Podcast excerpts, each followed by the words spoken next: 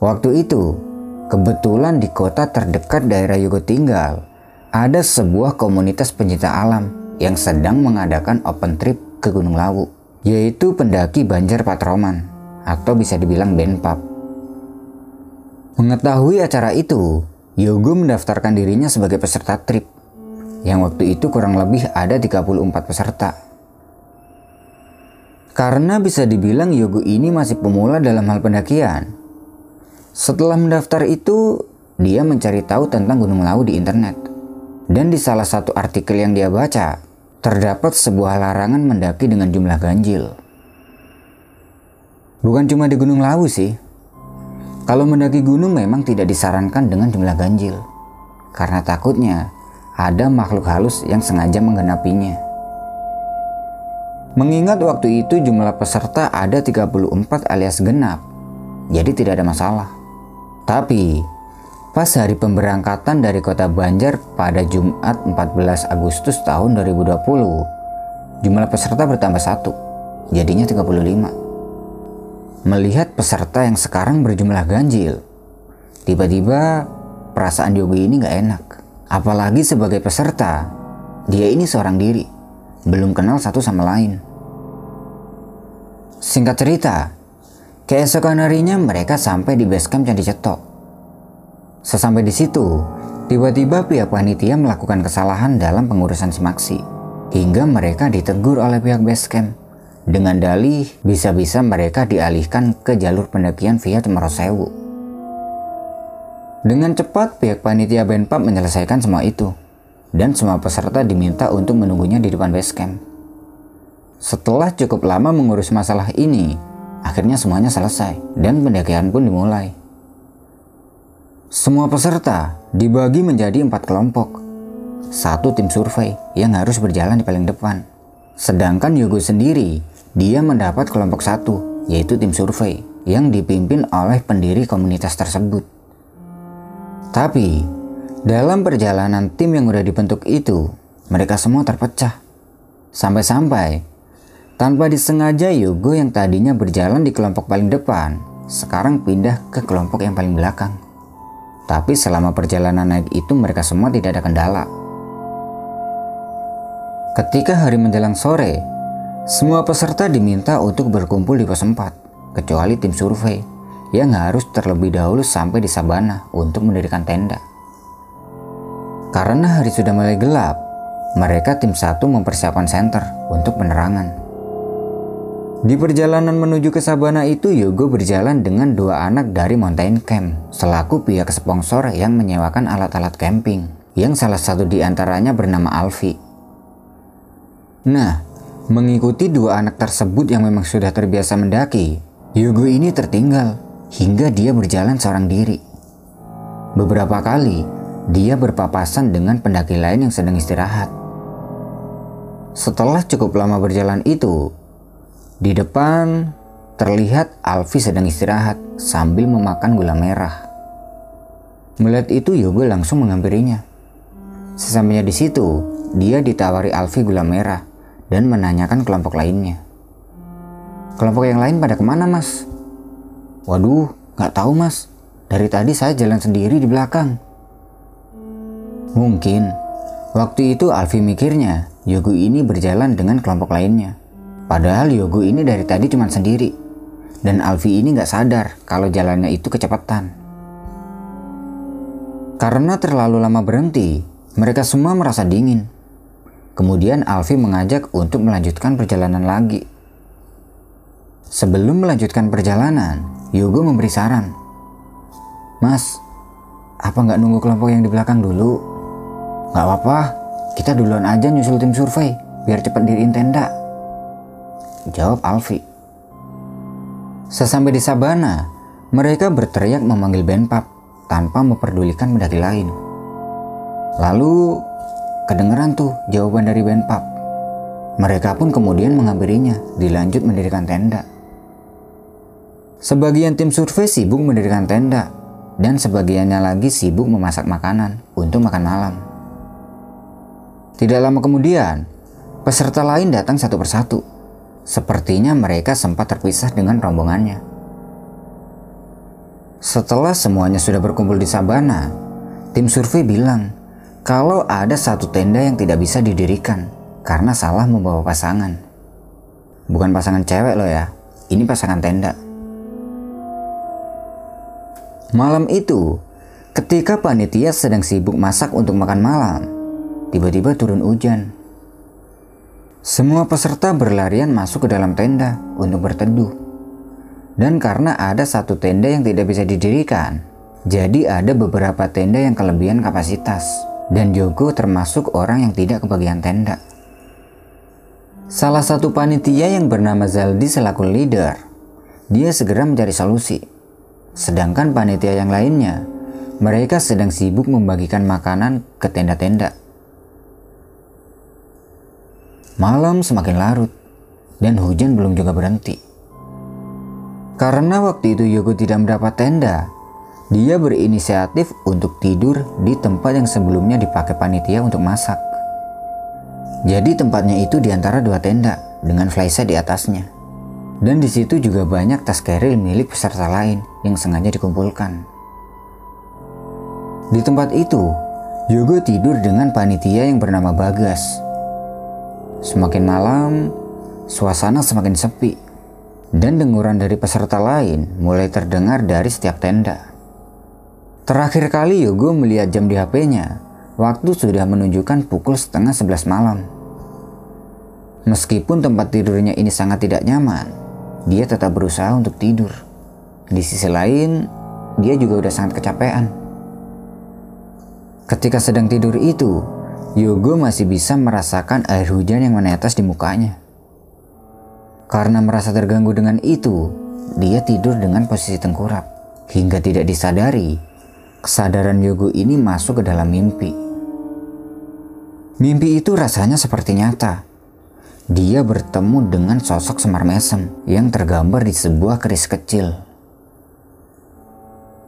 Keris itu sebelumnya sudah pernah dilihat oleh Yogo ketika dia bertemu seorang musafir dan berniat memberikan keris semar mesem itu sama dia.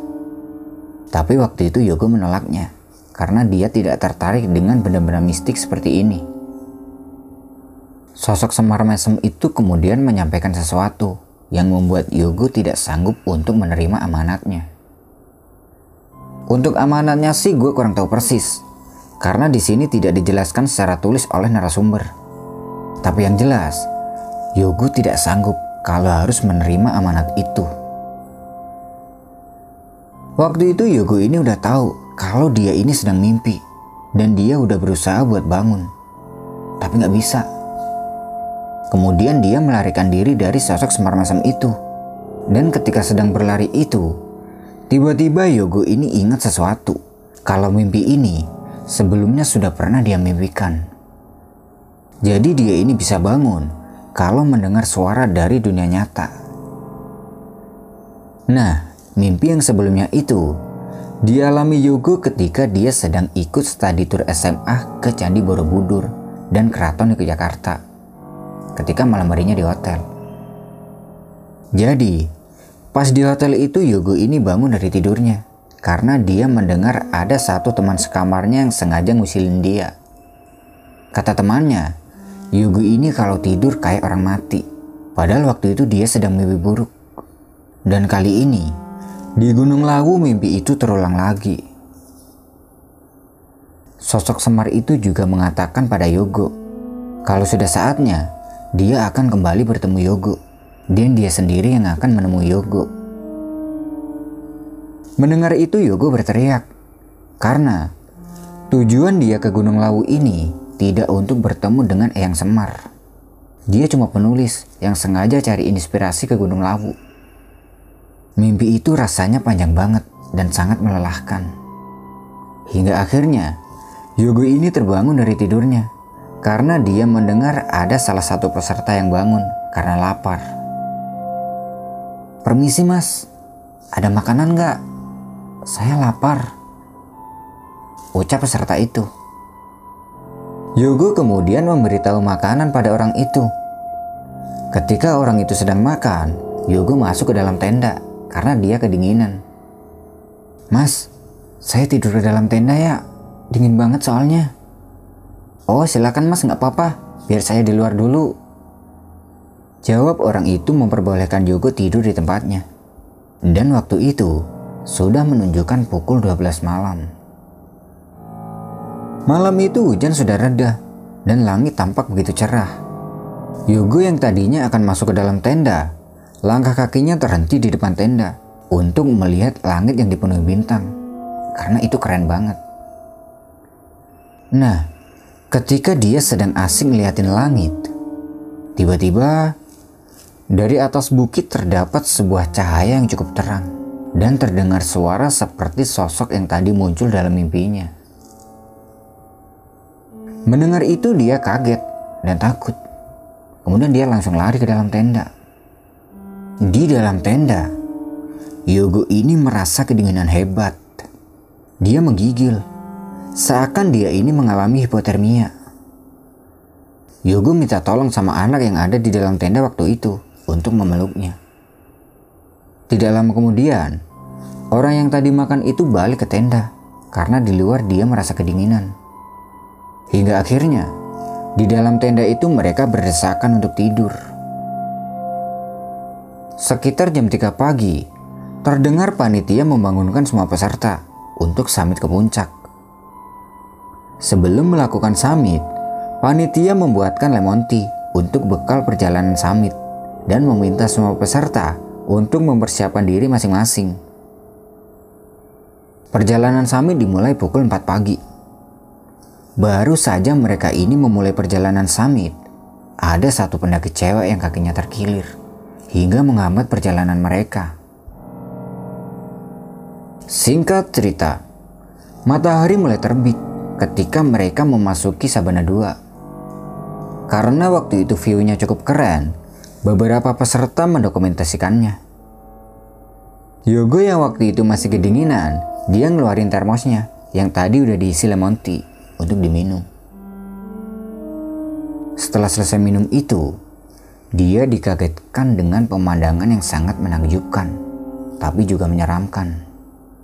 Tidak jauh di dekat pohon pinus, dia ini ngeliat ada seekor harimau putih. Melihat keberadaan harimau itu, Yogo yang tadinya ada di barisan belakang, dia langsung lari ke depan sambil teriak kecil. Melihat Yogo yang tiba-tiba lari, sebagian peserta ada yang heran dan sebagian lagi ada yang nertawain dia. Tapi di situ Yogo nggak cerita kalau dia habis ngeliat sosok macan putih. Dia ikut ketawa aja tuh sama teman-temannya dengan alasan dia ini cuma cari sensasi aja. Setelah ngelewatin Sabana 2, mereka memasuki area pasar Dieng. Sesampai di situ, Yogo ini ngerasa kebelet kencing dan dia langsung lari menjauh dari jalur. Ketika sedang berlari keluar jalur itu, Mas Joseph yang berada di paling belakang sebagai sweeper berteriak, "Eh, jangan keluar jalur!" Sebentar doang mas, saya mau kencing. Jawab Yogo. Setelah kencing dan akan kembali ke jalur pendakian, Yogo ini kesandung sesuatu hingga dia hampir jatuh. Untungnya, waktu itu ada pohon catigi yang dia gunakan sebagai pegangan. Setelah itu dia nengok ke bawah untuk melihat tadi dia ini kesandung apa. Dan di situ ada sebuah batu yang terlukis sebuah trisula. Batu itu seperti terkikis semacam relief dan mengeluarkan cahaya yang cukup terang. Hingga Yogo ini silau melihatnya. Di saat yang bersamaan, lagi-lagi terdengar suara Semar yang ada dalam mimpinya semalam. Suara itu mengucapkan kalimat yang tidak bisa dipahami oleh Yogo. Tapi, ada kata-kata yang gak asing menurutnya. Seperti Trisula Weda dan sastra jendra, yang seakan keduanya ini memiliki hubungan yang sama. Mendengar itu dia langsung lari memotong jalur. Sesampai di jalur, dia bertemu dengan Mas Yaldi selaku leader. Dan nggak tahu kenapa tiba-tiba Yogo ini ngerasa mual hingga dia muntah. Lemon tea yang tadi diminumnya itu keluar semua dari perutnya. Kenapa mas? Sakit ya? Tanya Mas Yaldi. Enggak apa-apa mas, aku cuma mual aja. Jawab Yogo Singkat cerita, sampailah mereka di Hargo Dalam. Sesampai di situ peserta lain membeli makanan di warungnya Mbok Yem. Tapi, karena waktu itu nasinya habis, Yogo dan beberapa anak lain terpaksa nggak kebagian. Karena emang nasinya habis, akhirnya ya udahlah nggak apa-apa, nggak terlalu lapar juga. Yogo berjalan ke petilasan Prabu Brawijaya dan meminta maaf karena dia sudah mencoba mencari hal baru yang terlalu gaib untuk dipahami. Dia juga bilang kalau dia cuma seorang penulis yang mempunyai niat melestarikan nilai keluhuran nenek moyang yang mulai tergerus oleh zaman. Dia juga minta restu agar niat baiknya ini diizinkan. Setelah itu, dia kembali lagi ke warungnya Boyem untuk bergabung dengan teman-teman lainnya. Sesampai di situ, ternyata hanya ada satu orang yang sedang menjaga tas keril, sedangkan yang lainnya sudah berjalan menuju ke puncak. Karena waktu itu dia tertinggal, dia bergegas menyusul rombongan itu ke puncak. Di atas puncak, Perasaan tidak enak yang dia alami sejak pemberangkatan dari kota Banjar itu hilang semua. Keindahan alam yang luar biasa indah di puncak Gunung Lawu membuat Yogo sangat bersyukur. Di puncak dia berharap dan berdoa, semoga niatnya yang tadi itu diizinkan. Setelah puas di puncak, sekitar jam setengah tiga sore, satu persatu dari mereka kembali turun. Di dalam perjalanan turun, Yogo berjalan dengan tim survei.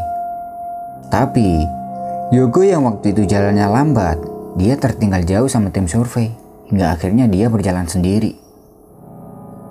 Tepat masuk waktu maghrib, Yogo yang berjalan sendiri itu sempat merasa pusing, mual, hingga muntah. Beruntungnya, waktu itu dia berpapasan dengan tiga pendaki yang akan naik. Tiga pendaki itu menyarankan Yogo agar istirahat dulu. Ketika Yugo sedang istirahat, tiga pendaki itu meninggalkan Yugo sendirian di situ. Mereka lanjut berjalan naik. Setelah cukup dengan istirahatnya, Yugo kembali melanjutkan perjalanannya hingga sampai di pos 2. Nah, sesampainya di pos 2 ini, ternyata teman-teman yang lainnya sedang menunggu Yogo karena mereka tadi sempat mendapat pesan dari tiga pendaki yang sudah turun. Kalau di atas, ada satu anggotanya yang sedang muntah karena itulah teman-temannya berinisiatif untuk menunggu Yogo. Takutnya terjadi apa-apa. Nah, mendengar penjelasan dari mereka, Yogo ini heran. Perasaan selama jalan tadi dia ini nggak ngelihat pendaki yang sedang turun. Adanya cuma tiga pendaki, itu pun mereka sedang naik. Karena khawatir dengan keadaan Yogo, Alfi selaku tim survei membawakan tas carrier miliknya Yogo hingga sampai di base camp. Sesampai di base camp, sambil menunggu yang lain sedang bersih-bersih badan, Yogo ini jalan ke area Candi Cetok untuk ganti baju. Dan sekali lagi, dia melihat bayangan sosok Semar yang siluet di atas Candi Cetok. Dan dia juga mengatakan sesuatu yang seakan kata-katanya itu adalah sebuah peringatan bagi Yogo.